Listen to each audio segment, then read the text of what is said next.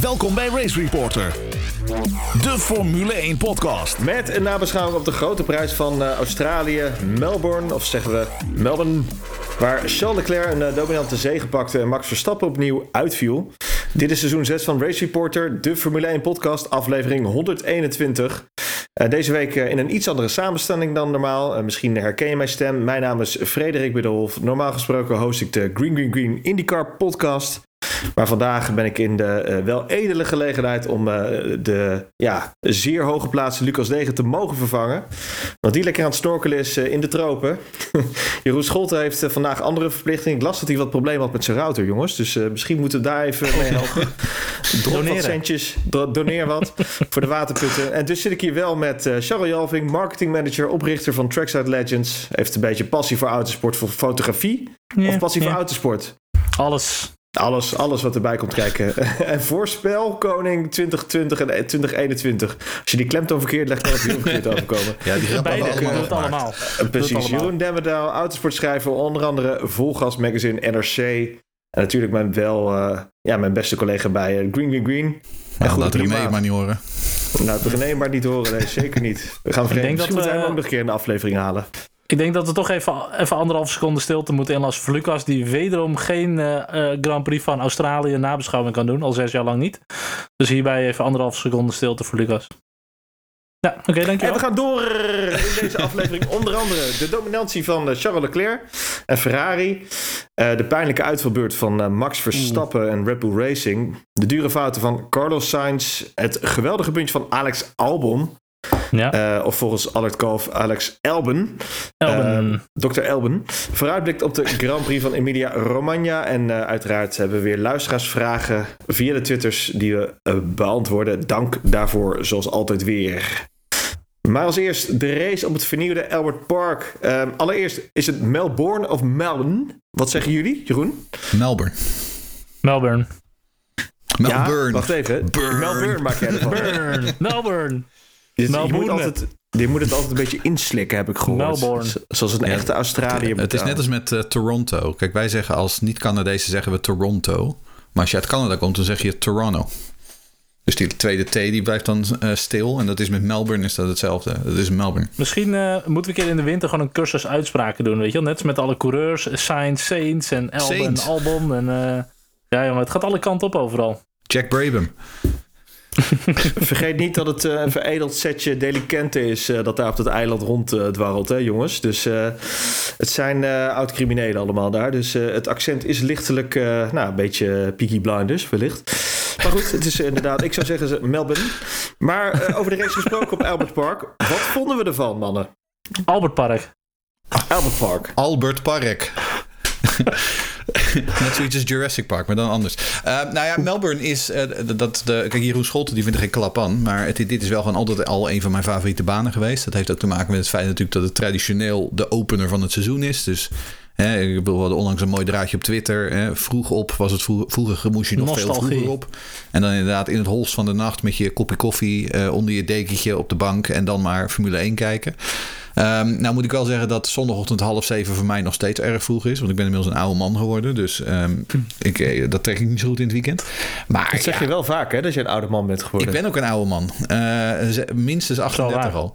Um, maar ja, weet je, ik had gewoon Melbourne weer terug op mijn tv. Uh, na een aantal jaren dat we het gemist moeten hebben. Um, en ja, ik vond dat toch wel gewoon erg fijn. Ik vind, ik vind de setting van Melbourne heel erg mooi. Um, het, het, dat park, het is prachtig. Uh, je hebt altijd uh, mooie van die aerial shots, zeg maar, met de stad op de achtergrond. En dan vooral in de late middag, dan begint die zon een beetje mooi te vallen. Krijg je heel mooi licht. en ja, het racen is niet altijd geweldig. Maar Albert Park is wel echt heel, heel erg pittoresk wat mij betreft. Ja, normaal was het ook gewoon zodra die eerste vrije training begon. Dan maakt niet uit hoe laat of hoe of wat. Die ging ik altijd kijken. Want dat was gewoon. Dan begon het seizoen, weet je wel. Nu heb ik het overgeslagen. Want ja, het was best wel vroeg dit keer gewoon uh, nog een beetje door de week. Maar ik dacht ook zondagochtend. Ik ga toch een beetje nostalgisch doen. Ik ga niet al die streams erbij, live timing. Gewoon kijken naar die tv. En dat doe ik niet vaak. Dat je minder op Twitter. Eh, ik vond het toch wel fijn. Op een gegeven moment haak je toch alweer aan met alles hoor. Maar ja, ik vind dat wel een mooie, mooie race of zo. Mooie ambiance. En jij, Fred, heb jij er nog een beetje van genoten? Uh, Ehm, ik vond het jammer dat het niet als seizoensopener was. Maar eh, al met al heb ik nog wel genoten. Ik vond de banapassen wel grappig. Maar ja, ik, ik heb... Albert Park is altijd een beetje gewoon... Weet je, het is leuk dat het weer begint, het raceseizoen. Maar het begint nu niet meer. Dus vind ik Albert Park eigenlijk niet meer zo heel boeiend. het zat wel Ja. lekker vol trouwens. Ehm 420.000 bezoekers over het hele weekend. Wat volgens mij een modern, eh, een modern record was. Al zag ik dat het eh, Twitter-account van de Adelaide Grand Prix claimde dat ze in de jaren 80 daar een keer 500.000 man hadden. Eh, Ik Oh. weet niet hoe, in, in hoeverre dat waar is. Maar hoe dan ook 420.000 man in één weekend. Ehm, het, zijn de, het, was, het zat lekker vol daar. En dat redde, Jeddah redt dat niet eens. Jeddah redt dat totale aantal niet eens in een hele contract volgens mij. Nee, die zitten over 30 jaar nog steeds niet op 420.000. Nee. Ja, degene die ze hebben, die hangen ze op dan. Ja. Maar goed, dat is weer wat anders. Krijgen we een vraag binnen van eh, Bob van Valkhoef, eh, Jeroen? Ja, Bob die vraagt: zien jullie deze race als een goede graadmeter voor de verhouding in het veld? Of is dit nog te veel een exoot? En weten we meer na Imola en Spanje? Eh, nou, het antwoord op die laatste vraag is natuurlijk ja. Want na Imola en Spanje dan hebben we vijf races achter de rug in plaats van drie. Dus ja, dan weten we meer. Ehm, maar inderdaad, historisch gezien is Melbourne altijd wel een beetje een outlier. Eh, het is wel een, een race waar af en toe een, een gek resultaat eh, ehm, eh, voorvalt. Ehm, dus in die zin, het is wel degelijk een exotische baan inderdaad. Eh, en het Euro- Europese seizoen, dat staat nu natuurlijk op het eh, punt van beginnen. Met dan dat rare uitstapje naar Miami tussendoor. Ehm, maar ik denk inderdaad wel dat we de komende races een stuk meer gaan leren inderdaad over, over de daadwerkelijke verhoudingen door het hele veld heen. Ja. Ja, ik denk wel na Spanje, dan kunnen we wel echt een beetje een balans gaan opmaken. Dan heb je de, de, de, de spikes er een beetje uit. Dan zie je inderdaad of de betrouwbaarheid echt zo slecht is. En of bepaalde teams echt eh, zitten waar ze zitten, zoals een Haas of een McLaren. Ik tast nog wel een beetje in duister. Waar zitten ze nou echt, zeg maar? Dat gaat wel bekend worden. Nou, en ik denk ook wel dat je eh, als soort van coëfficiënt moet meewegen dat het asfalt van Australië eh, wel, wel degelijk anders is en ook zorgde voor andere bandenslijtage dan eerdere races. En ze hebben ook een nieuw, ze hadden ook nieuw asfalt nu, hè, voor het eerst in, eh, sinds 1996. Eh, dus dit was ook het, het scheen ook dat het asfalt toch wel behoorlijk eh, stroef was. En dus wel ervoor zorgde dat de bandenslijtage erg hoog was. Wat we natuurlijk ook gewoon in de race zagen. Want van tevoren waren er allemaal van die verhalen van... nou gaan we dit op een eenstopper doen. Nou, dat was al vrij snel, was dat, was dat ook al voorbij. Ook geholpen natuurlijk door die safety car... Ehm, door die safety car situaties. Wat natuurlijk ook een ding is, is dat je vaak safety cars hebt hier. Ehm, dus nu is het dan, je ziet dat Charles Leclerc die wint dan de wedstrijd met 20 seconden voorsprong op Perez.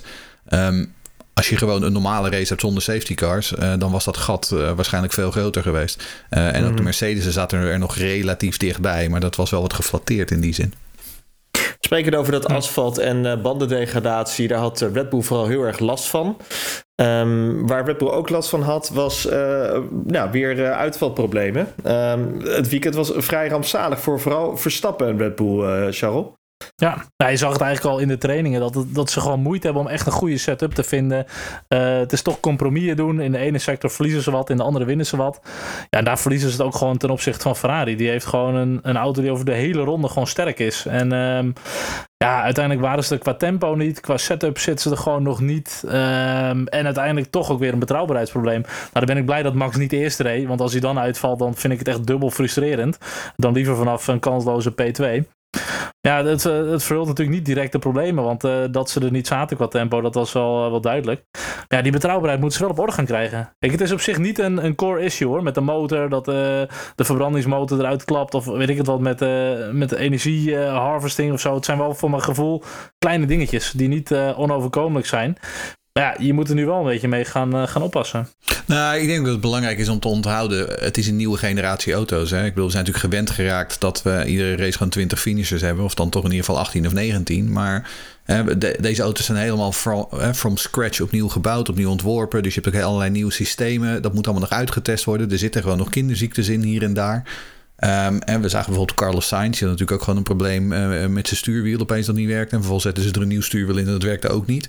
Dus in die zin, er zijn nog een hoop van dat soort kleine schoonheidsfoutjes die er gewoon over de eh, eh, komende, over, eh, over de rest van het seizoen uitgestreken moeten worden. Dus het is helemaal niet zo gek dat er nu nog wat, eh, wat kleine dingetjes eh, niet helemaal lekker lopen.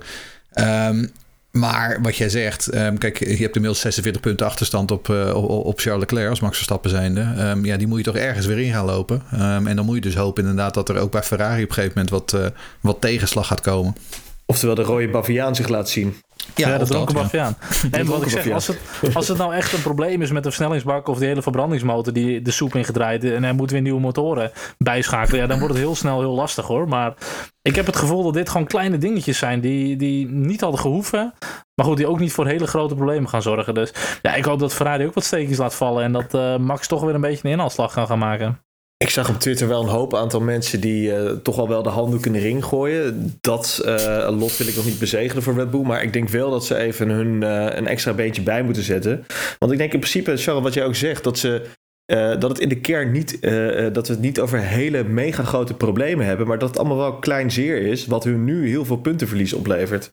Ehm, want ik denk dat op zich qua snelheid, als ze die auto. Want vergeet niet dat Verstappen, die eigenlijk nog niet in zijn mojo is met die auto. En op dit moment ach, toch nog redelijk in de buurt van Leclerc kan blijven.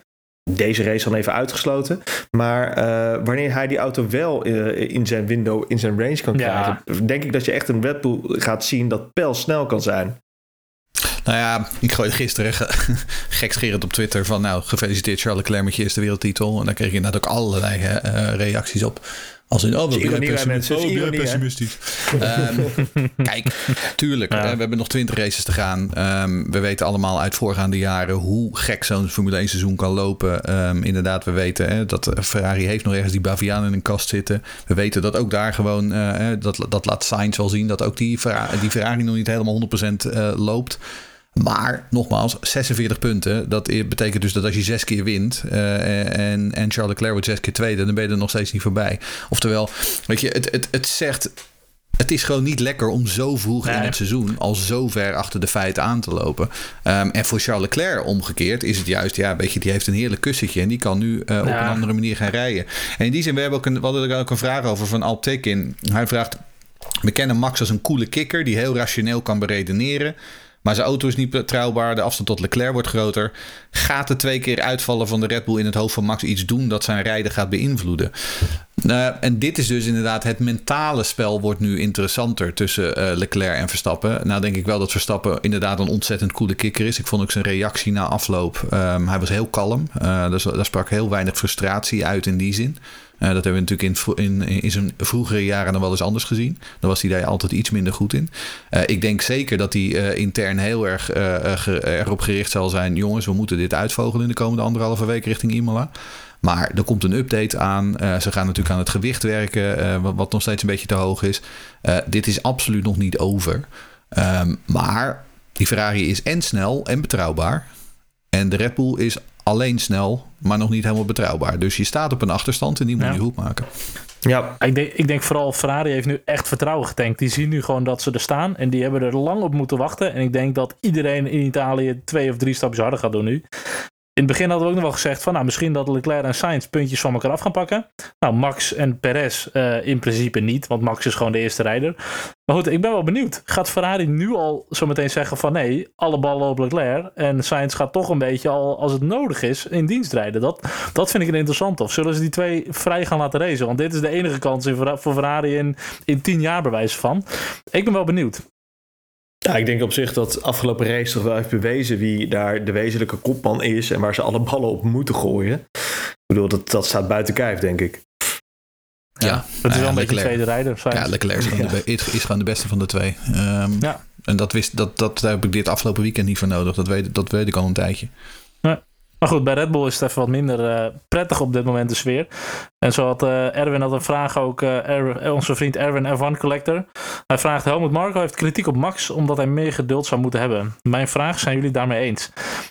Nou, op zich niet. Kijk, ik vind Max is gewoon een winnaar. En ik vind wel, dat is een gevoeltje, ik mis wel die scherpte bij Max, die gretigheid voor die eerste titel. En dat is helemaal niet gek. Uh, maar alsnog wil Max gewoon winnen. En die eist gewoon dat het goed moet zijn. En, en ik snap dat hij ongeduldig is. Uh, ja, moet je dan nu achterover gaan leunen en denken, joh, uh, los jullie het maar op. Ik wacht wel af en ik zie wel wanneer het gebeurt. Nee, je gewoon vol die druk erop houden. Ik, ik vind dat Max dat wel goed doet hoor. Ja, dat. En daarnaast denk ik dat Helmut Marco altijd wel heel makkelijk is. Zijn tuindeuren daar een graats open doet en weer een uitspraak uh, eruit uh, uh, lepelt.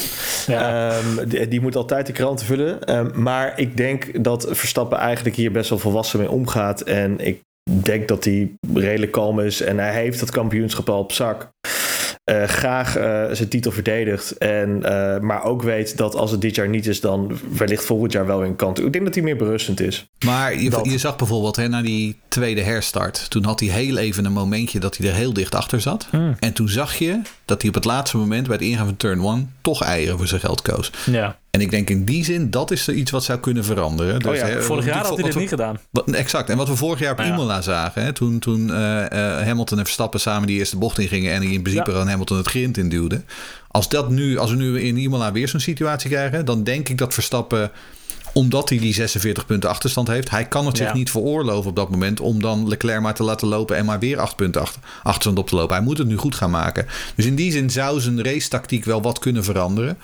Maar Ja. ehm, nou ja, zo'n Marco, ach, Marco die roept een heleboel dingen. Ehm, eh, dat, dat doet hij al jaren. Ja. Eh, ik, vind- ik vind hem helemaal niet eh, ongeduldig. Ik vind zelfs dat ik vind juist dat Max eruit eh Oh, Max Stappen eruit zijn eens. uitsteken. Zeer volwassen en rustig. Absoluut. Ja. Kijk, en diep van binnen blijft het toch een verstappen. En als je die in een raceauto zet, zal die toch voor alles gaan. Maar ik vond hem ook wel eh, een bepaalde berusting hebben. Nog een vraag van uh, Karin, eh, Jeroen. Ja, Karini vraagt: wat gaat het gewichtsverlies van de RB18 nog opleveren? En als het lek boven water is en gefixt wordt, dan is er toch niets aan de hand. Nou ja, dit is dus inderdaad eh, waar Karin inderdaad een heel goed punt in heeft. Lekker een beetje optimistisch blijven. Eh, nou ja, we weten dus dat de Red Bull vergeleken met een aantal andere auto's gewoon nog wat te zwaar is. In ieder geval eh, volgens de wensen van Red Bull. Dus dat ze daar zeker naar aan het kijken zijn. Ja, en wat gebeurt er met een lichtere auto? Die gaat harder. Ehm, en als het goed is, dan kun je ook wat meer spelen met, met, met, met het zwaartepunt. Met waar je inderdaad eh, hoe je de gewichtsverdeling doet. Ehm, en er komt natuurlijk, na- nogmaals, er komt naast die eh, gewichtsvermindering komt er dus ook nog een update aan. Ehm, Red Bull is natuurlijk gewoon nog steeds, en net als alle andere teams, als een gek aan het ontwikkelen. En het zou best kunnen eh, dat ze eh, nu opeens een stap voorwaarts maken, omdat ze een bepaald potentieel in die auto unlocken. Ehm, en dan opeens kan het er weer heel anders uitzien. En dan zou het zomaar weer kunnen dat eh, Red Bull weer op een streak eh, terechtkomt. Ehm, en dat is dus omdat we nog 20 races hebben. eh, wanhoop niet. Ehm, er is inderdaad nog niks aan de hand. Als, de, als we te- ten tijde van Monza of Singapore nog steeds op deze achterstand staan, dan wordt het een ander Ja. verhaal. Eh, maar Kijk, het is nog vroeg. Ik moet zeggen, voor een Red Bull die echt tot het gaatje heeft moeten gaan in 2021 samen met Mercedes. En tuurlijk zijn ze parallel aan 2022 bezig. Maar uiteindelijk 2021 was voor hun gewoon echt nog een, een, eh, een, een aandachtspunt waar ze echt op wilden knallen. Eh, Ferrari heeft zich natuurlijk al heel vroeg de volledige focus kunnen verschuiven. Nou, ik vind dat Red Bull er nog aardig dichtbij zit hoor. Als je dat vergelijkt met Mercedes. Ja. Dus ik denk dat dat wel. eh, ze gaan echt nog wel aankomen. Ehm daaraan aan volgend hebben we nog een vraagje van onze grote vriend Joost. Die vraagt: Is het nog steeds beter om een snelle, onbetrouwbare auto betrouwbaar te maken? Of is het inmiddels beter een langzame, betrouwbare auto sneller te maken? Ja, eigenlijk hebben we het net al kort een beetje over gehad. Er zijn voor mijn gevoel geen fundamentele dingen echt verkeerd aan de motor van Red Bull of aan de auto of, of dat soort dingen. Eh, Mercedes heeft daar eh, in tegen van mijn gevoel wel wat meer problemen om echt die snelheid eruit te gaan krijgen. Ehm, ik, ik zou nog steeds liever in, eh, op de plek van Red Bull zitten dan die van Mercedes. Ook al hebben die wel wat dag, dagsucces gehaald. Maar Red Bull die heeft voor mijn gevoel echt voor dit seizoen de betere kaarten. Ja, dat denk ik ook. Ik denk dat Mercedes nog steeds een zeer fundamenteel probleem heeft. Eh, vergeet niet, hè, in de racetrim leken ze eh, dichterbij te zitten. Dat, ze reden beide een sterke race. Maar ik denk dat zij nog steeds wel op een seconde 8 à 9 tiende toch wel zitten van, van, van de top. En dat is gewoon een fundamenteel probleem. Waarvan ze nu zelf ook echt duidelijk naar buiten brengen. Van jongens, dit is niet vandaag of morgen opgelost. Nee, de, de, de dagen van 2019, toen ze de eerste acht races wonnen, die eh, zijn heel ver weg op dit moment. Ik was ook gewoon blij dat we gewoon eh, eh, eh, een andere volksliederen weer hadden, zeg maar. Dan wat we echt best wel gewend zijn. gewoon, gewoon Monaco, Italië, de- super nostalgisch en zo. Ja, ik werd er wel weer vrolijk van hoor. En dan Kun jij samen met het, al die fans. Monegaskische volkslied al uit je hoofd, Sharon? Nee, zeker niet. Maar ik ken die Nederlandse die eens uit mijn hoofd, dus eh, dat eh dat wordt overloos. Dan gaan we naar de race van Ferrari, mannen. Eh, Charles Leclerc regeert met eh, ijzeren hand. Ja, was niks Ja. tegenin te brengen, toch? Nee, ja, kijk, weet je, eh, dit was hè, de, de, een Grand Slam. Ehm, voor zover ik weet, dat was de eerste. Ja. Ehm, ja, Ja. gewoon geen, was echt, er stond geen, eh, geen maat op die man. Eh, hij was gewoon afgetekend de beste in kwalificatie in de race. Ehm, en ja, dan kun je zeggen, ja, maar heeft de beste auto. En dus het aloude eh, Hamilton-argument slash Verstappen-argument Ja. als ze dominant een race winnen. Ja, maar je moet het ook nog even doen. Eh, en als je het dan vergelijkt met Carlos Sainz, die eerst een Q3-ronde eh verkloot en daardoor op, eh, op plekje 9 moet starten. en die vervolgens um, terugvalt bij de start. Eerlijk is eerlijk, niet door een, een fout van, van hemzelf. Uh, maar door de anti-stall. Maar dan vervolgens dan lig je veertiende. Ja, dan moet je jezelf terugvechten. Op pace met die Ferrari had hij zichzelf gewoon nog naar voren kunnen werken. Zeker met, die, uh, met die safety cars waarvan we de twee gehad hebben. Dus als we het dan toch hebben over ongeduldig zijn. Um, Sainz die vergroot het gewoon volledig zelf. Gaf hij na afloop ook gif toe. Heeft hij helemaal zelf gedaan. En Sainz staat nu, staat nu ook gewoon op, op flinke achterstand. Uh, en die zit in dezelfde auto. Terwijl Leclerc, er was gewoon, die zette geen stap verkeerd. Uh, en reed echt gewoon uiteindelijk met twee vingers in zijn neus naar die, uh, naar die overwinning toe. alle herstarts managed die goed. Gewoon echt heel goed. Het enige smetje was denk ik de safety car restart. Uh, waarbij die inhield en daarna weer twee keer, twee keer, ja. Precies, Beetje ja. of zo. Nou, was een klein smetje, want Verstappen kon er verder toch niet bij komen, maar toch. Maar, maar, maar reed verder er, gewoon puik. Als er een, een, race was, denk ik ook waar Sainz gewoon terug had kunnen komen met die safety cars en op strategie, dan was het ook deze al geweest uh, met die overspeed. Maar toch vind ik het wel weer mooi hè, dat, dat zodra uh, Hamilton een dominante auto heeft, dan zijn zijn races ook allemaal 10 uit 10 als hij ze wint. En dan is hij vet de beste, weet je wel. Als Max even een tijdje wat wint, dan is hij de beste. Maar nu denkt iedereen weer van, wauw, die Leclerc, dat is echt een mega talent. En tuurlijk, ze doen het wel ten opzichte van hun teamgenoot. Uh, ze rijden foutloze races. Maar toch vind ik dat de, de auto is voor mijn gevoel nog steeds veel te belangrijk in de Formule 1. En dat, dat, daardoor leven mensen al vaak in de waan van de dag. Als jij een seizoen een goede auto hebt, dan ben je meteen ook de beste coureur. Terwijl ja, je ziet echt duidelijk dat de, de auto is gewoon verreweg het belangrijkste. Ja, maar dat is, dat is natuurlijk zo. Maar ja, vervolgens, zoals dus inderdaad hè, eh, eh, een Valtteri Bottas in het verleden, een, een, een um, Carlos Sainz nu, een Sergio Perez laat zien. Uh, ja, je kunt wel de beste auto onder je kont hebben, maar je moet er dan ook nog het maximale uithalen. Nee, maar bewijs van, uh, misschien dat Hamilton nu wel de beste wedstrijd van zijn leven, zeg maar, qua consistentie, snelheid. Ja, precies. En, en had Leclerc misschien een matige wedstrijd en heeft hij twee jaar geleden had hij wel een van zijn beste wedstrijden. Dat, het is best wel lastig om dat te wegen, zeg maar.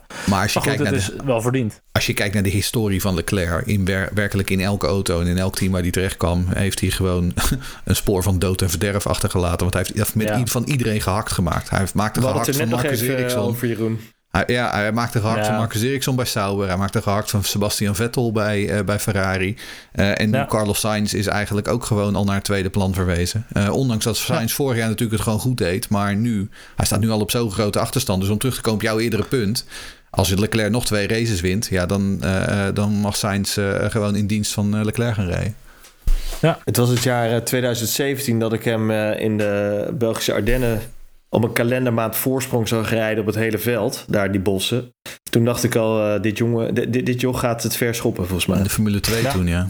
ja. Ah, goed, dat is het wel hoor. Die echte talenten zie je wel hoor. En helemaal over een paar seizoenen ten opzichte van hun teamgenoot en zo.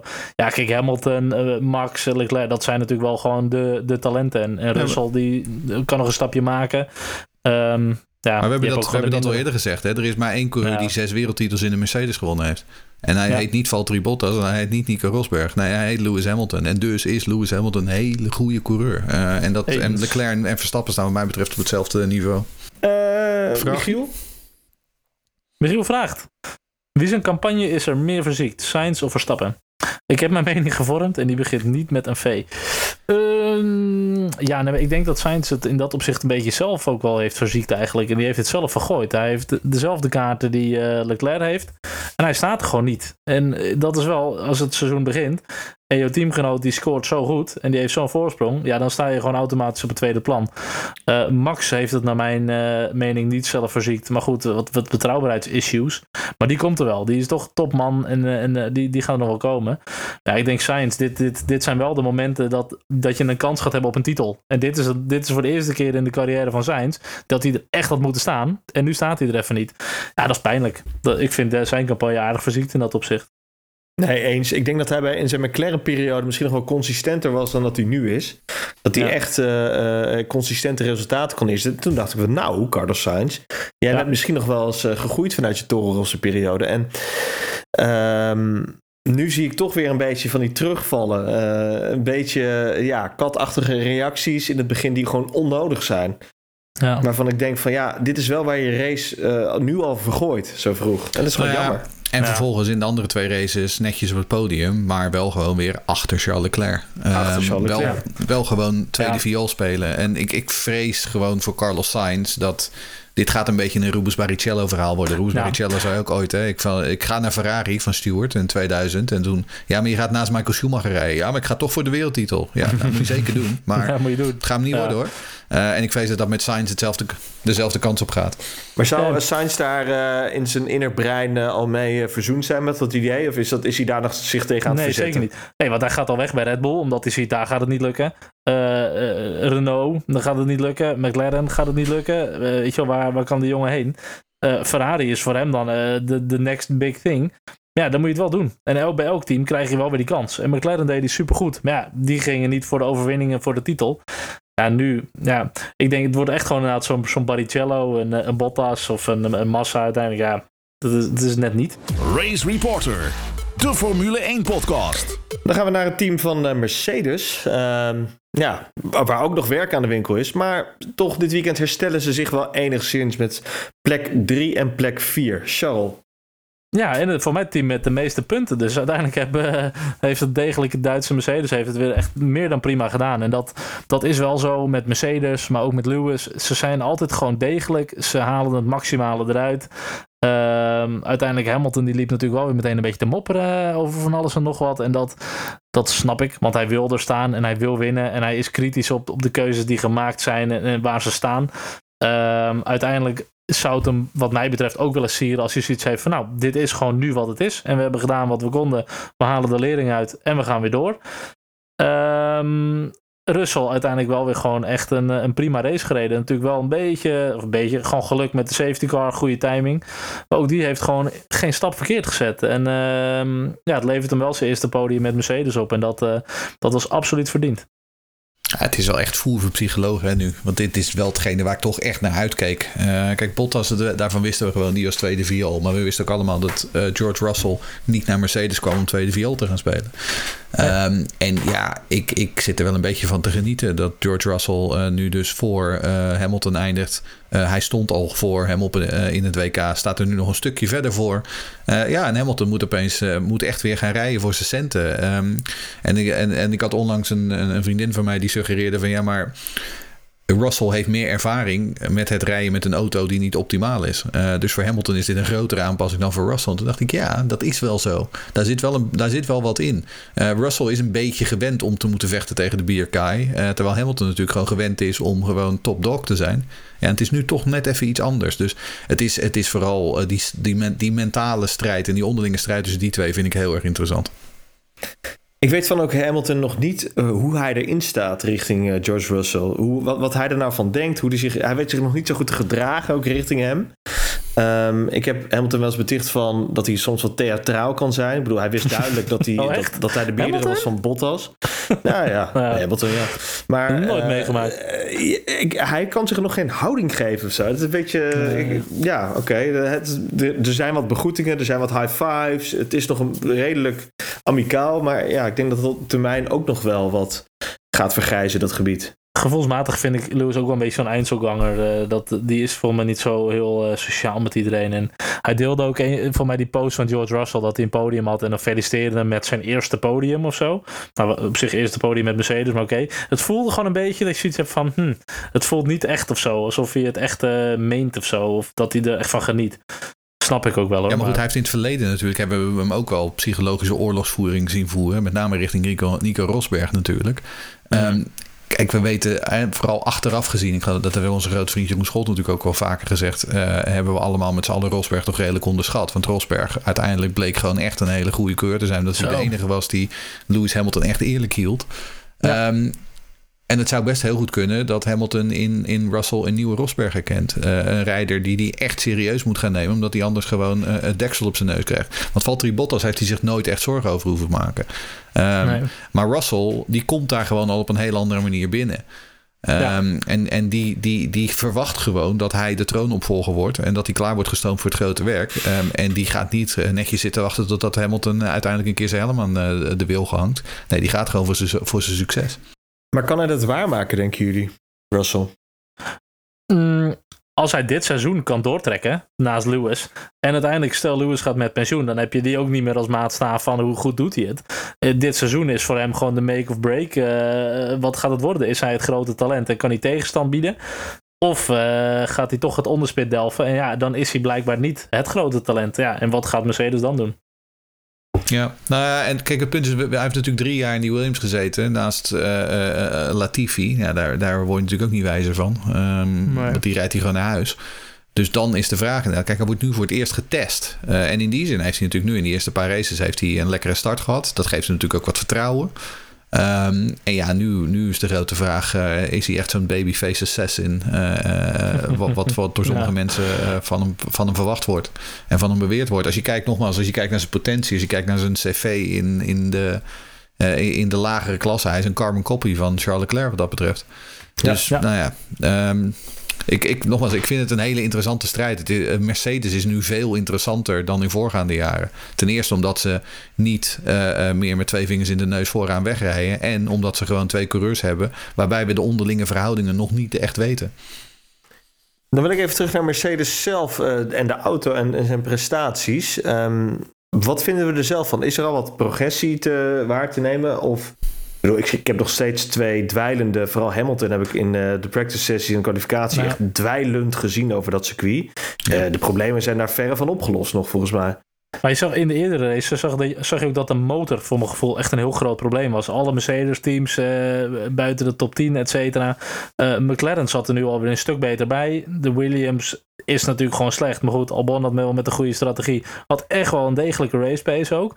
Dus ik denk ook dat ze op dat gebied misschien wel toch wat stapjes hebben gemaakt hoor. Want uh, hebben ze de aansluiting gevonden met de top Mercedes? Nee. Maar zaten ze er wel wat dichterbij, dichterbij. En voor de best of the rest? Nou, voor mijn gevoel wel. Ja, de, ik, ik, ik denk als je kijkt naar waar ze uiteindelijk, hè, kwalificatie is gewoon op 0,8, 0,9 seconden. Um, uiteindelijk in de race nogmaals, ik denk dat ze door de dubbele safety car periode de achterstand op Leclerc was wat geflatteerd. Ik, ja. het, het, lijkt erop dat ze gewoon nog steeds uh, 0,8 tot een seconde per ronde tekort komen. Dat was uh, in de voorgaande races niet anders.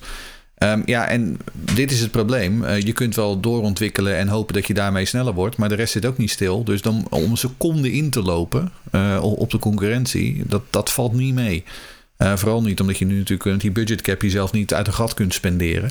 Dus ik weet het niet. Ehm, kijk, ik hoop op termijn dat ze wel dat ze net wat extra vinden, zodat je echt een strijd vooraan krijgt tussen drie teams in plaats van twee.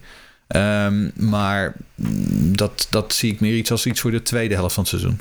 Ik heb het Red Bull nog wel uh, zien doen. Wat was het jaar dat Red Bull er helemaal off zat in het begin van het jaar? Dat ze echt op uh, 8, 9, 10 zaten. Ik dacht van, ho, dat, dit gaat een seizoen worden. En toen waren ze volgens mij bij, bij Oostenrijk zaten ze al in één keer op 1 à 2 tiende of zo. Volgens mij was dat dat waardeloze seizoen 2018 of 2017 ja, maar dat die, of zo. dat die auto ook de hele tijd stilviel. Omdat die ja. Honda nog de hele tijd stuk ging. Ja, ja precies. En ergens daar. En toen hadden ze denk ik onder controle met, met een grote update.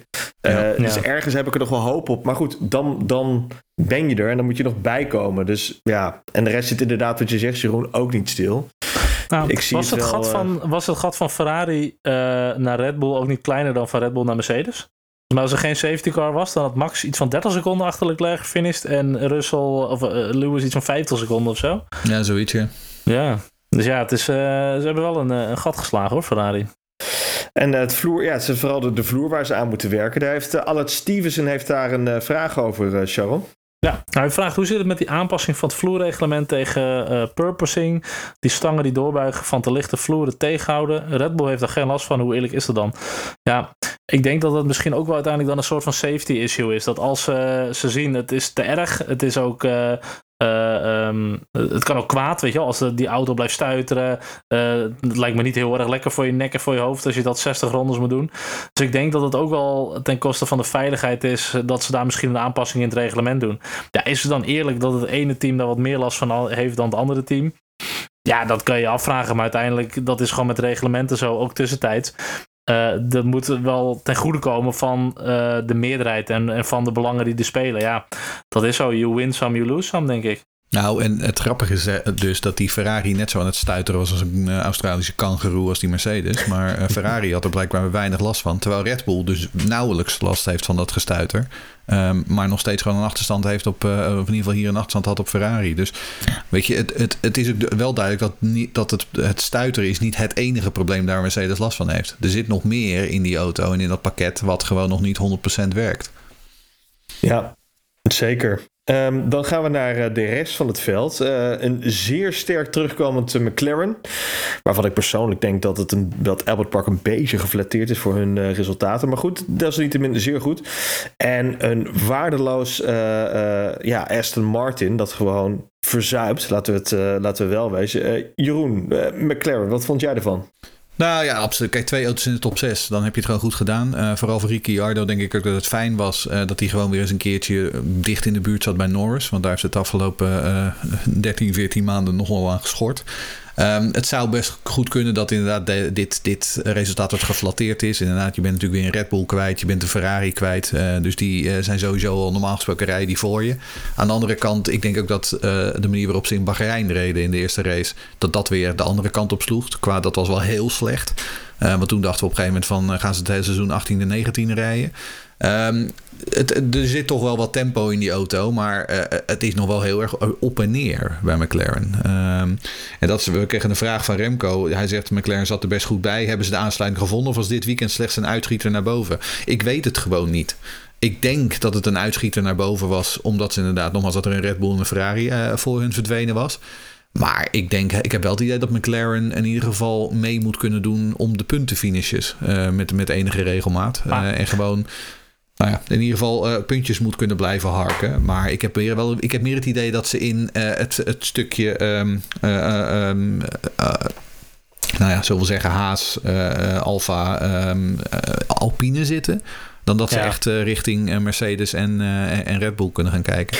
Je ziet nu ook al trouwens bij Haas hè, dat ze ook alweer terugvallen. Hè? Dus uh, dat is net ja. als, uh, wat waren de jaren dat Haas uh, twee keer zesde werd met Grosjean Magnussen en daarna volledig wegvielen. Ja. Ik ja. zie dat persoonlijk dit jaar weer gebeuren. Hè? Dus en dat is zo gek juist, dat ze nu hier weer zo'n optreden hadden ten opzichte van die eerste twee wedstrijden. Kijk, als we gaan kijken naar de verhouding, dan denk ik dat Ferrari, uh, Red Bull, Mercedes is duidelijk. En achterin heb je gewoon Williams en Aston Martin. Maar alles daartussenin, ik denk ja. dat dat echt een beetje afhankelijk is van updates, circuit. Uh, weet je wel, hoe ze erin zitten, hoe ze de setup voor elkaar krijgen. En dat, dat is voor, voor mijn gevoel. En natuurlijk, de, de teams die historisch sterk zijn, of in een heel seizoen goed ontwikkelen, die zullen uiteindelijk wel boven komen drijven. En dat is voor mijn gevoel niet een Alfa Tauri of een Haas of, of bijvoorbeeld. Maar je verwacht eerder dan een McLaren of een Alpine, die misschien toch dat hele seizoen door gewoon blijven komen. Ja, dat zullen we wel uh, gaan merken de komende nou ja, Alpine, Alpine is ook zoiets. Hè? Ik bedoel, Alonso die zei dat hij op weg was naar een pole position. En vervolgens uh, toen, uh, toen hield geloof ik de hydraulics van zijn auto ermee op, ja. zeg maar. Dus toen crashte hij. Um, vervolgens in de race natuurlijk, um, ja, nou ja, door allerlei tegenslagen en, en slechte timing met safety cars. Uiteindelijk finishte hij, wat is het, 14 of zo. Um, en dus staat Ocon nu op 20 punten en Alonso op 2. Maar ik heb nou niet ja. het idee dat Ocon echt tien keer beter is dan Alonso. Uh, tien keer beter begonnen is dan Alonso aan het seizoen. Dus in die zin, het is ook af, af en toe wat geflatteerd. Uh, ik vond dat de twee Alfa's, dus Alfa Romeo en Alfa Tauri, allebei uh, een heel matig weekend hadden. Maar ja, je ziet dan toch dat een Gasly en een, en een Bottas toch weer wel punten sprokkelen. Um, maar ook daar, je, je hebt één kopman en die tweede coureur, die gaat het gewoon niet voor je doen. Die kunnen nou, ze uitschieter hebben. Dat is het. En, en Tsunoda was wel echt, wel, vond ik wel echt zwak weer dit weekend. Uh, terwijl ja. Jules, je, je, je, ziet bij Jules zie je dan zeg maar, die, die is net niet goed genoeg vergeleken met Bottas. En dan zie je dus dat Bottas, Bottas wordt dus achtste en dan wordt Zhu dus elfde. Dat, dat is dan het kleine verschil. Dat is gewoon een rookie, die moet je de tijd gunnen. Maar ja. als je kijkt naar een Tsunoda of een, een Mick Schumacher of een Latifi, weet je wel. Stroll, dat zijn coureurs die moeten het inmiddels wel wat gaan laten zien. En uh, nou, die doen het allemaal niet heel uh, die, geweldig. Die Mick Schumacher, ik bedoel, weer, dit was weer, hè. ja hij finished voor Kevin Magnussen. Nou ja goed, op papier ziet dat er aardig uit. Maar ik zag hem een aantal keer weer fouten maken en ook weer rare inschattingen maken. Soms vraag ik me af, weet je, racegochme, en dat is natuurlijk wel een probleem. Racegochme kun je namelijk niet leren. Ja. Um, en soms vraag ik me bij hem wel een beetje af of hij, het wel, of hij dat wel heeft. Want soms maakt hij zulke rare capriolen, haalt hij uit. Uh, dus hij ging een aantal keer weer, ging hij weer wijd of ging hij, ging hij weer, uh, uh, maakte hij weer een move dat ik dacht van ja, ja. denk nou even na jongen. Um, en en hij moet nu echt wel, hè? want Kevin Magnussen die komt terug, die stapt in die auto en die rijdt meteen uh, 10 punten met elkaar. Uh, en ondertussen. Dat maak je niet meer goed hoor, dit seizoen. Nee, en ondertussen heeft Mick Schumacher nog steeds nul op, nul op zijn rekening staan. Ja. Ik zie Mick Schumacher nog bij Ferrari eindigen, jongens. Uh, persoonlijk. Nee. nee, zeker niet. Nee, zeker nee. niet als hij zo blijft presteren. Nee. En zeker uh, niet als Ferrari zo blijft presteren, trouwens. Ja, vraag van uh, Klaas Meijer, uh, Charles, over uh, die off-day van Haas. Nou, hoe verlaten jullie de off-day? Ja, voorheen hebben we nog wel eens wat perikelen gehad met de wheelguns volgens mij en zo. Maar dit keer, ja, ik, ik weet het niet. Het, ze deden het afgelopen race gewoon echt prima. Ze zaten er goed bij. Ik denk dat het een combinatie van alles is gewoon. Mick die gewoon een beetje vertrouwen kwijt is. Magnussen die had volgens mij een buikgriepje. de motor die misschien ten opzichte van de anderen weer wat was verloren. net niet in het goede raamwerk krijgen. Ja, het was, het was, was het een beetje. Het was, niet wat ik had gehoopt. Want ik vond het wel verfrissend hoor, om Magnussen vooraan te zien. ik zie ze er graag, maar het was even een beetje... Nou, ze reden op vrijdag heel weinig. Ja. Ik geloof F1 zonder geloof ik bijna de, de halve sessie stonden ze allebei binnen. en inderdaad, Magnussen die had last van zijn maag. En Schumacher die heeft natuurlijk die enorme klapper in, in Jeddah gehad, zeg maar. Dus ik bedoel, goed, dan, dan stap je ook niet echt even lekker in. Um, ik, ik, ik wil wel zien of ze terug kunnen bouncen in Imola. Uh, of ze dan zeg maar weer een beetje op de rand van die top 10 hangen. Want ze lagen nu net iets. Het, het, het, het, het verschil met zeg maar Bahrein was nu net iets te groot voor mijn uh, gevoel. Ik heb ook het gevoel dat er geen bouwers zitten. Kijk, dat team kan nog zo'n mooie auto maken. En die leggen hem neer. Hey, ga ermee testen. En we starten het seizoen. Hey, het is een goede auto. Maar dan moet je hem doorpakken, doorontwikkelen. Setup blijven fine-tunen in de simulator. En ik heb het gevoel dat het bij Haas en bij de coureurs daar toch een beetje aan ligt. Nou, ik denk vooral dat bij Haas, die krijgen vooral een heel mooi pakket van uh, uit Maranello uh, toegeschoven, waar ze heel mooi hun eigen filosofie op kunnen toepassen. Maar dat vooral tekort komt aan zeg maar intelligentie en toch wel resources om dat verder door te ontwikkelen, dat pakket. En dat is ieder jaar weer hetzelfde. Ze krijgen een goede basis, maar daarna zakt het gewoon verder weg in het veld. Ja. Ja. ja. dat idee heb ik ook. Met bij Aston Martin hetzelfde. Nou, ik wilde even het momentje van Mick nog even aanstippen achter de safety car. Die kwam ook wel echt goed weg. want anders had oh hij weer, een, uh, weer een haas afgeschreven. Ja, dan wordt het ook niet leuk hoor. Als je het budget uh, daar allemaal heen gaat, dan gaat het ook hard. Nou, waar het ook uh, wel hard bij ging, is Williams. Stond een puntje voor onze grote vriend Albon.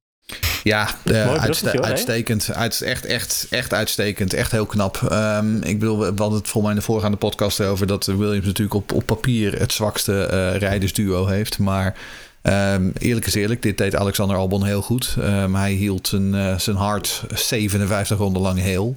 Um, daar hadden we ook nog een vraag over waar Ronald die vroeg het puntje van Albon. Heeft dat, is dat het geluk van de harde band en de VSC-SC? Of kunnen zij de, de harde band beter managen?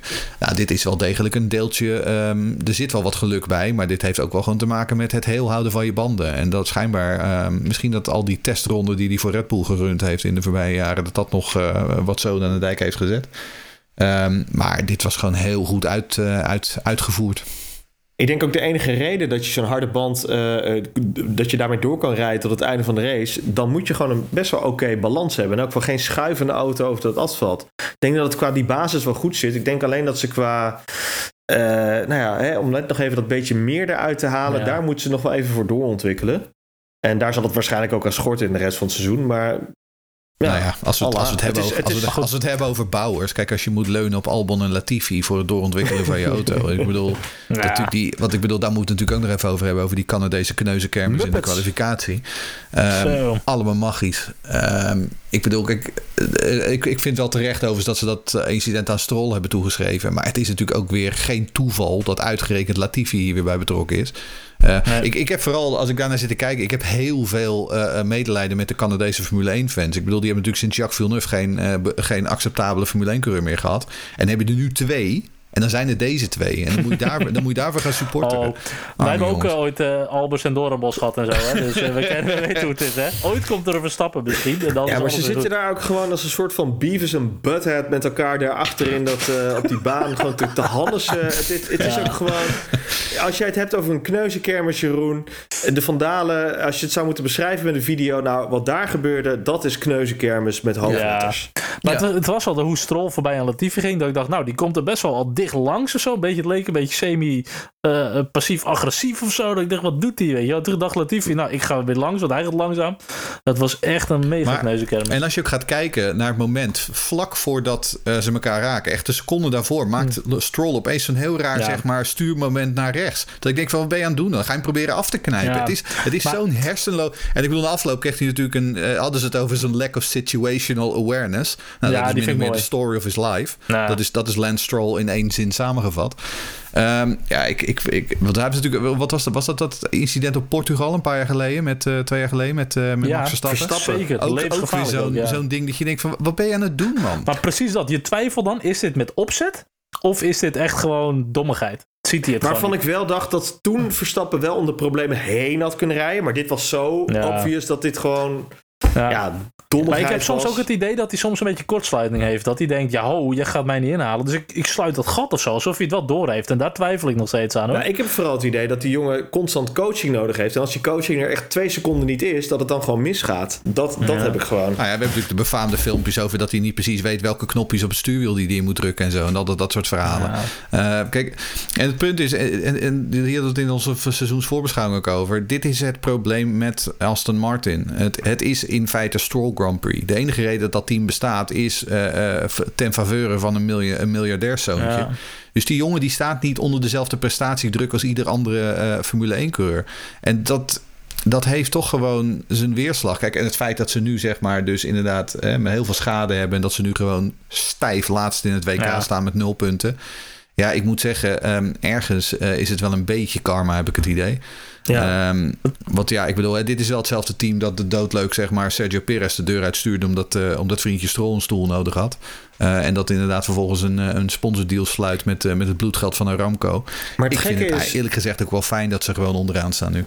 ja, toch? het gekke is met zo'n Stroll is dat hij... eh, je kunt hem... Het is natuurlijk eh, een idioot. Maar je kunt, eh, op sommige dagen kan hij je ook echt verbazen dat je denkt van waar haal je het Oh, vandaan? zeker. Bijvoorbeeld als we dit jaar nog een Die- regenrace rijden en hij rijdt Nou ja, dat is het. vierde, vijfde. Nou, nu wordt het met het Aramco, bloedgeldhok, zeepkist eh, natuurlijk wel lastig. Maar ik zie hem zo nog ergens weer een zo'n bizar resultaat van halen. Waar haal je het vandaan, weet je wel? Nou ja, hij heeft het is zo was het, die race, was het die race op. Turkije dat hij gewoon pol pakte? Ik bedoel, Ja. weet je, dat, dat, dat, dat, Ja. kun je, dat doe je niet als je helemaal niks kunt. Kijk, en dit is weer dat het, is het het, hoor. standaard verhaal. Hij kan wel wat. Ja. Maar ja, er zijn ook de, de, altijd de hardnekkige verhalen dat hij destijds zei, ja, werd Europees Formule 3 kampioen. Ja, maar dat was ook omdat zijn vader met zijn checkboek eh, langs de andere Ja. pits uh, loopt. Kun je jullie een Goed beetje team. ontzien. Weet je, dat verhaal blijft maar rondomheen zingen. Het is Ja. geen veredelde Dalton Kellett of zo vanuit IndyCar, weet je? Nee. Ik bedoel, eh, hoewel dit dat wel is qua achtergrond, maar... Dat is ook een Canadees trouwens. Ja. zie, zie, het, je de trend hier? Maar uiteindelijk zie je ook, als je meters in die auto maakt en je went aan de wereld, aan de, aan, aan de- de snelheid, aan de auto, weet je wel, uiteindelijk word je er ook minder slecht in. En hij heeft zeker wel hele mooie uitschieters. Maar dat is, normaal heb je een bepaalde natuurlijke selectie, net als in de natuur. Maar hier heb je gewoon mensen die betalen, dus die kunnen blijven zitten. Is een verdienmodel van de Formule 1, want het kost allemaal natuurlijk extreem veel geld. Ehm, Nou ja, en Ja. dat is het. Kijk, weet je, we hadden, we hadden de drie van dit soort, dit soort druiven. Nou ja, we zijn er nu eentje kwijt. Eh, ik las trouwens dat ze net ook eh, de, de villa van Mazepin in Italië... de Italiaanse politie heeft zijn villa in, daar in beslag genomen. Dus het gaat voor Mazepin ook van kwaad tot erger.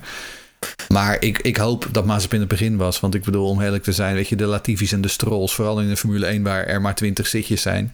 eh, die jongens horen hier gewoon niet bij. Ehm, en ze kunnen best aardig auto rijden, maar weet je, weet ik veel, ergens eh LMP2 rijden in, eh, in, in, Ja. in Imza of zo. Over jongens die er trouwens niet bij horen gesproken. Hebben jullie eh, gelezen over die kartjongen die een uh, nazi-goed uitbracht? Zo, Wat is dat, joh? op hoor. Doe even normaal. Wat een idiot. Nou, ik zag, wel, ik zag wel in een van de filmpjes waarbij hij een, een statement aan het voorlezen was in ontzettend slecht Engels. Eh, maar aan de andere kant heb ik ook weer zoiets van, weet je, het- dat jochie was 14 of 15. Dus ik, weet je, het, het, eh, ik, ik deed ook hele domme dingen toen ik 14 of 15 was. Het zal wel een grapje geweest zijn, maar Hmm, ik, je vraagt je het wel niet. af zeg maar, hoe de opvoeding gegaan is dan. Dan eh. werkt het dat- niet echt mee dat je een Rus bent die eh, Nee. op dit moment onder Italiaanse vlag ja, rijdt. dat hè. Nee, als je en echt Rus niet goed, hè. bent en dan een natiegroet maakt in, de, in, in, maart twee, of in april 2022, ja, dan heb je het niet helemaal eh, de wind mee. nee. Onder Italiaanse vlag, die ook nog een historie hebben daarmee. Maar goed. Nou, dat. ik, ik was baldadig inderdaad op die leeftijd, maar dit is, slaat echt alles hoor.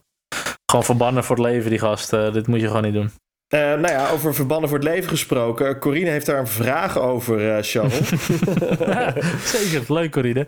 Ze vraagt, moeten coureurs eigenlijk een soort rijexamen afleggen voordat ze in de Formule 1 mogen rijden?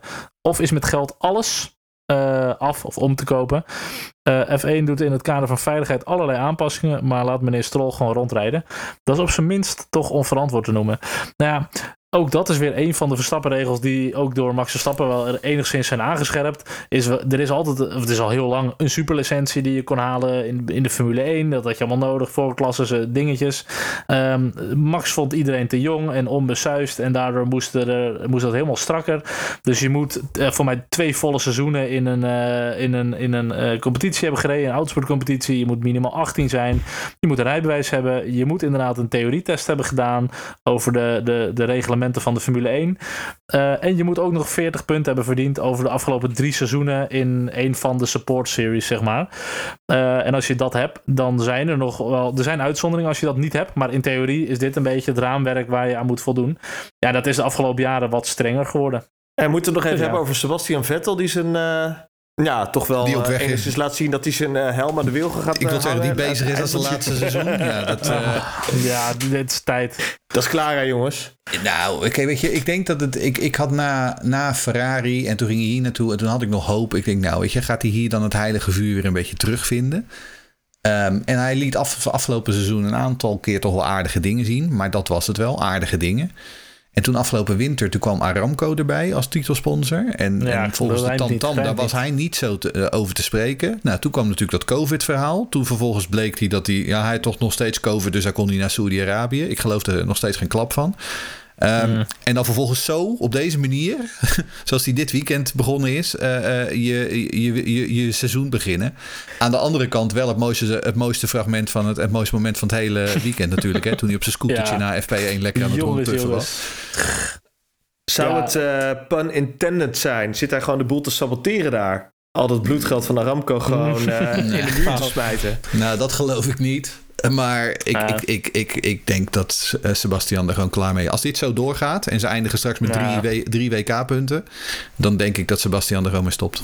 Voor mij is het ook bij Ziggo. Het is ook een foto van Vettel. Dat hij zag er ook niet bepaald fit meer uit. En nou ben ik de laatste die erover moet oordelen hoor. Maar ik snap wel, als Formule 1-coureur en je hebt nog je beste jaren in je en je wil nog voor de titel gaan strijden en je bent mega gemotiveerd, denk ik dat je dat wel iets beter op orde zou hebben. Ja. Um, hij ziet er steeds meer uit als Mark Zuckerberg als student, zeg maar. Weet je, ja. weet je dat, dat, dat grote kapsel en zo. Het is steeds meer haar en, en, en steeds meer baard. en zo. Ja. ja. Vraag van uh, ja. Frederik Bedolf uit Amsterdam. Uh, heeft Sebastian Vettel de scooter nog teruggebracht na afloop bij die Marshall? Nee, je hebt een boete gehad alleen. Dus dan wordt het ah. teruggebracht voor dat geld. maar hoe ging dit dan? Ik had er echt veel vragen over. Hoe gaat dit dan? hey, ik ben Sebastian Vettel. Mag ik je scooter lenen? Nou ja, beschijnbaar. Want hij, hij stond dus ergens, wat is het, Tuurlijk. rond turn 8 of 9 of zo. Daar, daar, daar kwam die stil te vallen. En schijnbaar is het dus zo inderdaad dat hij dus, een, uh, dat hij dus gewoon aan die Marshall heeft gevraagd van mag ik jullie scooter lenen? Uh, en toen is hij na afloop van de sessie is hij dus de baan opgegaan. Nou ja, en uh, er schijnt dus een regel te zijn inderdaad dat je dus inderdaad alleen met expliciete toestemming ja. van, van, inderdaad van de raceleiding uh, uh, de baan op mag. Want uit veiligheidsoverwegingen. Hè, want het is 2022, dus dat soort dingen is allemaal strak ja. gereguleerd. Um, en vervolgens reed hij natuurlijk ook nog met zijn helm, zeg maar, half op zijn hoofd, zeg maar. Dus eigenlijk reed hij zonder helm, zeg maar, op een scooter. Nou, en uiteindelijk geloof ik. Kijk, het grappige is dat dat filmpje ging de hele wereld rond. En dat was hartstikke sympathiek. En iedereen vond het leuk en lachen en grollen. Ja. Ik denk dan, weet je, neem hem even apart. Zeg even, hey Seb, volgende keer. Hè, denk even na. Maar nee, het ja. moet allemaal weer formeel en er moeten weer uh, uh, uh, hele rapporten dat... over geschreven worden. Het is allemaal, dit zijn ook wel de dingen, de, de, de momenten waarvan ik denk de Formule 1 helpt zichzelf ook gewoon niet. Nou, en dat is het hypocriete. Op de social media wordt het allemaal geëxploit en ze posten het ook zelf en zo. En kijk hoe leuk. En er komen allemaal memes met MotoGP uh, ge, gefotoshopt en dingen. Dat ik denk, dit is reclame voor de Formule 1. Weet je, dit is, het heeft karakter, het heeft humor. En wat gaan Juist. we doen? Nee, niet meer doen. Dat mag niet. Hier is een boete. En, uh, ik vond die ja. tuk-tuk meme vond ik wel echt fantastisch. Hebben jullie die gezien? ja. Dat die nee, met een tuk-tuk. Quicker than een Aramco Aston Martin. dat is echt hilarisch. Nice. Ja, met zo'n uh, met zo'n Deliveroo uh, dingetje achterop. Toch? Ja, ja, ja. ja, ja. dat was het volgens mij. Ja, ja heel mooi. En jongens, we gaan uh, vooruitblikken op de volgende race in Imola. De Grand Prix van Emilia Romagna. vorig jaar een enerverende race gezien, Charles. Ja, wat herinneringen. Wat hebben we? Ik vind Imola altijd uh, historisch gewoon echt een hele mooie baan. Ik vind het, ik vind het tof. Het ademt gewoon echt racerij. Uh, voor de huidige Formule 1 auto's is het misschien nou, net even iets te klein. Maar ja, vorig jaar hebben we natuurlijk die mega crash gehad met, met Russell en, en Bottas. Ja, ik vind het heeft tot nu toe best wel een vermakelijke Grand Prix opgeleverd voor mijn gevoel. En het is een echt een rijderscircuitje voor mijn gevoel. Ja, ik hou er wel van. Lekker ouderwets en gras, hè? Ja. Um, en ik bedoel, dat, dat stuk, dat, voor mij zei ik, dat zei ik het vorig jaar ook al, maar dat stuk vanaf Tossa, vanaf de herpin achterop. En dan helemaal tot aan de andere kant, uh, uh, tot aan Rivazza, zeg maar. Dus weet je, ja. omhoog, naar beneden, hard naar beneden, de uh, blinde, blinde bochten. Het is echt een klassiek stuk ja. um, autoracerij. Um, Ja, ik vind Imola, ik heb altijd al een, een zwak gehad voor Imola. Ik vind het een waanzinnig mooie, pla, uh, waanzinnig mooie baan. Geweldige setting. De omgeving is ook gewoon prachtig. Zo, mooi hè? Um, dus ja, ik mooi. ben heel blij dat het ook gewoon weer de komende jaren op de, op de kalender staat. Vooral in als deze discussies die we nu hebben over, weet ik veel... Grand Prix in Guinea-Bissau en andere uh, landen. Um, het is fijn dat Imola gewoon weer terug is. Uh, want we zijn natuurlijk een tijdje zonder geweest. Um, ja. Dus ja, ik heb er wel gewoon ik heb er wel echt zin in. Is het door COVID dat we weer terug zijn uh, hier? Ja, hè? Ja, het was ja, een, zeker, het was een ja. vervangingsbaan, toch? In uh, 20 ja. of in 21? Ja, maar goed, dat, dat zie je met wel meer bijna. Portimao, Uh, ja, ja, ik wou zeggen, het zijn een beetje de jokerbanen. Hè, dit. Er is natuurlijk wel een, een, trend gaande dat er wat minder traditionele Europese Grand Prix gaan komen. Nou, dat, deze bewijzen nog het tegendeel, maar dat is vanwege COVID. Maar goed, uh, er zijn natuurlijk een hoop Grand Prix die wel uh, op de shortlist staan om te gaan verdwijnen. Onder andere Monaco, Paul Ricard, Spa-Francorchamps, die hebben aflopend contract. Ziet er niet naar uit dat die verlengd gaat worden. Ja, we gaan natuurlijk wel meer naar, naar Amerika toe. Volgens mij, Kiliami stond weer op de, op de agenda. Bij 24, ja. Zuid-Afrika. Ja, dus, dus ze zijn wel weer die andere werelddelen willen ze weer wat meer races hebben. Uh, voor mij zijn er genoeg zandbakraces. Daar mogen er wel echt wel een paar van weg. Um, Money talks, hè, Charles? Money ja, talks. nee, eens. Ja, daarom zit ik ook hier en niet bij een echte podcast. maar, uh... Hoezo? Dit is toch de enige echte podcast van Nederland? Ja, de, oh, de leukste van Nederland is dit. Oh joh, dan gaat Lucas even vragen of je mij ook wil betalen. Jij krijgt toch gewoon uh, VVV-bonnen van hem? Ja, eentje.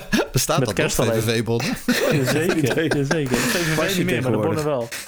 Hey, maar jongens, van de Grand Prix, de, zeg maar de Joker Grand Prix die we nu hebben, is die van Turkije, vind ik die eigenlijk nog wel het meest telust. Ik weet niet, in, in de huidige generatie ja, auto's, was daar, het uh, werkt gewoon niet zo mm. voor mij. Ik vond vroeger een super vette baan met die vijf keer linksaf, maar dat, ja, dat is nu ja. ook als een... Uh, met je pink doe je dat bijna. Met één hand kan je die nu doen. Ja. Het, het punt is met, met Turkije en Porti, Portimao heeft, heeft ook wel een, een, een, een, een bepaalde uitstraling. Maar het, zijn, het is allemaal zo modern. Het is allemaal zo multiplex. Ja. Het is allemaal zo uh, Portimao is meer een beetje Het is allemaal zo gelderdoomachtig. Weet je, ik bedoel, ik, ik, van, ja. En Imola is, kijk, wat ik, wat ik, ik, ik vind nog steeds, weet je, die, de, de, wat ze natuurlijk dat laatste gedeelte hebben, hebben ze ook veranderd. Wat is het, tien jaar geleden, dus die laatste chicane eruit gehaald hebben. Dat vond ik ook wel jammer. Maar Imola is toch nog gewoon wel hè, heilige grond. Uh, is wel Sowieso. gewoon uh, nog steeds een hoop grind en gras. Uh, ja. en, en, en dat is toch gewoon wat ik uiteindelijk, uh, dat zijn de banen die ik uh, het meeste op prijs stel. Letterlijk de rustvelden van een zeer grote wereldkampioen ook. Ja. Laten we dat niet vergeten. Precies. Nou ja, ze, ze, hebben het heel vaak gehad over de veiligheid met dit soort banen, zoals Zandvoort en Imola. Maar als ik dan zo'n Jeddah vergelijk, dat is voor mijn gevoel tien keer gevaarlijker. Weet je hoe hard het daar gaat, tussen die vangrails en zo. Uh, Miami zal misschien ook hetzelfde zijn. Baku biedt misschien ook een beetje. Nou, dan vind ik dit soort circuits uh, vind ik nog best wel mild hoor. Want je gaat niet extreem hard. Of, uh, nou, ik, heb ik vind die, het heel tof. Ik heb natuurlijk niet naar Jeddah gekeken, maar ik had toevallig zat onlangs uh, skimde ik hier langs de kanalen en toen was er een, een, een, herhaling van die wedstrijd. Dus ik zat 1, 2 ronden te kijken. En die baan, het is alsof ik naar Wipeout op de PlayStation zit te kijken, zeg maar. Het is echt, ja. het is zo, het, het, het is zo artificieel en zo gekunsteld en het gaat zo onnoemelijk hard. En dat ik dacht van, het is echt een prutbaan. Ik vond er echt geen klap aan. En ik dacht van, ik mis nee. ook helemaal niks. Dus ik heb de tv ook gewoon weer uitgezet. En, en vervolgens, als je dan inderdaad... Imola, weet je, er zit veel meer flow in. Dus weet je, de, veel van die oudere ja. banen, er zit veel meer flow in. Dat is natuurlijk met Spa-Francorchamps hetzelfde. Dat is natuurlijk met Zandvoort hetzelfde. Er zit gewoon een flow in die natuurlijke banen... wat je in die moderne, uh, op ja. de tekentafel... Uh, gecreëerde circuits, je hebt dat gewoon veel minder. Anderzijds, inhalen blijft natuurlijk vaak wel een dingetje. Die circuits zijn vrij klein, vrij smal, helemaal met die huidige generatie auto's. Maar tot nu toe uh, heeft het op zich wel aardig vermakelijke races opgeleverd. Maar, ja, maar Bottas en Russell nou, prima voor. ik wilde het net zeggen, ja. Inhalen ja, maar dat ging ook niet. nou ja, nee, juist niet volgens mij. Nee, dat is de grap natuurlijk Dat ook. was de grap, uh, Charles. Potverdikkie. maar het is wel een beetje de enige plek op die baan waar je echt lekker kan inhalen nu. Hè? Ja. Of je moet hem ja. daar verderop bij de herpin nog, uh, nog ja, bij doen. Ja, lastig. Dat kun je het nog proberen, ja. Maar uh, nou goed, we gaan het zien. Wat zijn, uh, ja, wat zijn de voorspellingen? We hebben trouwens ook een sprintrace trouwens, hè? Sprintkwalificatie. Ja, ja, maar ik ben geen fan van. We zitten erop te wachten. Van. Nee. Nee, wat we hebben dan ook op, op vrijdag hebben we dan inderdaad de eerste training, kwalificatie, zaterdag tweede training en dan de sprintquali. Wat is het nou sprintrace of een sprintkwalificatie? Ja, mag het geen sprintrace noemen, het heet gewoon sprint. Sprint, sprint, sprintquali en dan de race op zondag. En meer ja. punten toch ook dit, dit jaar? In- Ja, was nou, het niet de ja, top eh, 18 de punten krijgen in van de Ja, top ze 3? hebben vast weer iets artificieels bedacht, zodat iemand weer het kampioenschap kan Maar winnen. goed, ik wil, dat- ik wil niet ook elke keer klagen hoor. Maar gewoon het aantal Ik wel. races en dan ook nog die sprintkwalies en zo. Het is allemaal wel dus meer, meer, meer. Maar nou, laten we duidelijk zijn. ehm, het aantal races zal nu heel erg eh, voor Max Verstappen's voordeel, eh, of tenminste is een voordeel zijn. Ik wil zeggen, laten we er nu nog 26 van maken. Laten we Ja. nu nog blij zijn, ja. toevoegen. We gaan tot aan december, eind december doorgaan. Wat zijn de verwachtingen, jongens? Voorspellingen? 1, 2, 3 en 10. Nou, laten we anders Lucas eerst even doen, want die, die doet altijd mij een beetje na. Die mocht dit keer eh, voor de troep uit. Die heeft Leclerc op 1, Verstappen 2, Russell 3 en Gasly op 10. En Jeroen Scholten heeft ook Leclerc op 1, Verstappen 2, Sainz 3 en Ocon op P10. Eh, nou, dan ga ik hem anders maar meteen achteraan. Dan doe ik Leclerc 1, Sainz 2, Verstappen 3 en eh doe ik Alonso P10. Ja, dan doe ik, eh, omdat het kampioenschap spannend moet blijven, Verstappen gaat winnen. Eh Perez wordt tweede, Leclerc wordt derde. En ehm, Kevin Magnussen wordt tiende. Ik vind trouwens wel leuk, Charles, die West-Friese werkwoordvervoegingen van jou. Doen ik. Vind ik mooi. Thumbs up. Love it. Echt een Maar ik doe, eh, ik doe vooral gewoon even ABN. En ik zet hem eventjes op 1 Verstappen, 2 Perez en 3 eh, denk ik Sainz. Ik denk dat Red Bull keihard gaat terugslaan komende race. Eh, ze komen met een groot updatepakket. Ik denk dat ze de wagen hier wel onder controle hebben. Dat ze gewoon pijlsnel zullen zijn. En de tiende plek gaat voor Valtteri Bottas zijn.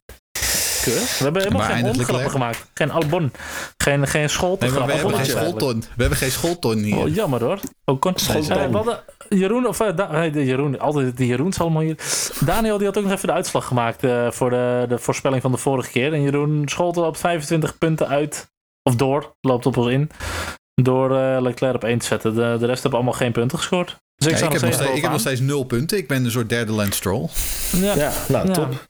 Blij. Alleen dan betaal je Kom. niet. Ja, en je bent tenminste geen rotte druif, dus dat scheelt. Een rare drijf. Ja, ja, dat wel, dat sowieso. Jongens, eh, bedankt. Eh, we gaan eh, het afwachten komend eh, weekend. Nee, het weekend erop. De 24e is de Grand Prix van eh, Emilia Romagna. Drie uur eh, kunnen we aanschuiven. Moeten we nog al die mensen voorlezen die allemaal hebben gedoneerd? Nou, nee, Fred, nu jij de rol van Lucas overneemt, moet je wel even het weerbericht even erbij halen voor, eh, de, voor de Grand Prix van Imola. Dat doet Lucas altijd. Oh, Ja, en je moet een, en je moet een, een of andere een- een niet ter, ter zake doende simrace vergelijking maken. Dat mag ook nog. Maar het kan ook zijn een, eh, een, eh, een race waar 0% kans op regen is. Ga je toch nog even kijken wat de kans op regen is? En een, De en, een, een complottheorie ook nog. oh. jongens, jullie Ja. leggen het wel. Oké, de complottheorie is... ehm, het Gint is van Saoedi-Arabiaanse afkomst. Ah, Ga daar maar eens over nadenken. Het weer. Ik verwacht 10% regen. En ik verwacht verder eh 22 graden op de zondag met droge omstandigheden. Eh, een briesje of niet? Eh licht briesje, zuidwestenwind. Oké, top. Ten verveuren van de Red Bull. Eh, Moeten we ook nog alle, alle doneerders voorlezen? Ja, maar dat doe je maar als wij weg zijn. ja, ik Oh. wou zeggen, daar heb ik nu geen tijd voor. Nou, oké, Ik de moet aan de doneerders, schaft dank jullie wel voor het doneren. En eh, graag de volgende keer wordt je weer voorgelezen. We moeten ook nog een teamfoto Ja. maken, jongens. Hoe doen we dat? Ja, Dat lekker een teamfoto van onze online dit Zoom staan. sessie. Lekker. Ja, Ja, leuk. en Lucas maakt ook pornografisch materiaal vanuit Zimbabwe, of waar die ook zit. jongens, bedankt en graag tot de volgende. Yo. Tot ziens. Yo. Nee, thanks weer. Doei doei. Mooi, mooi hoor, hé. Prima, Oh. nou, succes met die montage.